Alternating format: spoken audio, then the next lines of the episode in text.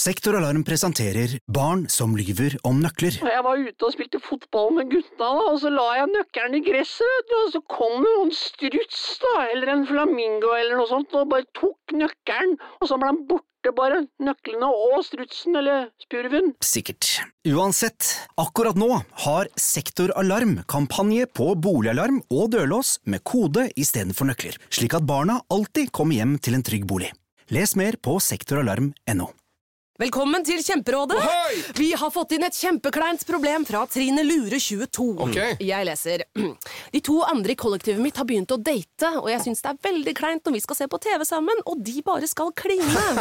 Ok, ja, Hvordan skal hun løse dette? Siden Trine Lure er under 30, får hun jo ubegrenset data fra Telenor fra 399 kroner. Da Da kan hun sette seg på sitt eget rom, streame så mye hun vil på mobilen. Ja, hun kan jo se på nye mobilabonnement på telenor.no. Ja, det er lurt.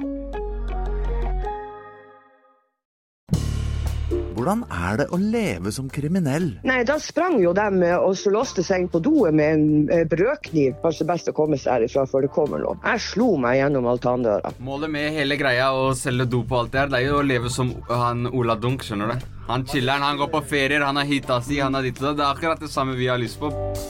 Hør røverhistorier gratis der du hører podkast. Hei du, det er Helge Molberg fra en podkast som heter Avhørt. Vi driver og ser på den der eh, Jonas-saken med. Ja, stemmer. Og så bare lurer på om, om det er noe du kjenner til. Ja, det er vanskelig å gjøre det. Lørdag 30. september ble en ny mann pågrepet og siktet for drapet på Jonas Aarseth Henriksen.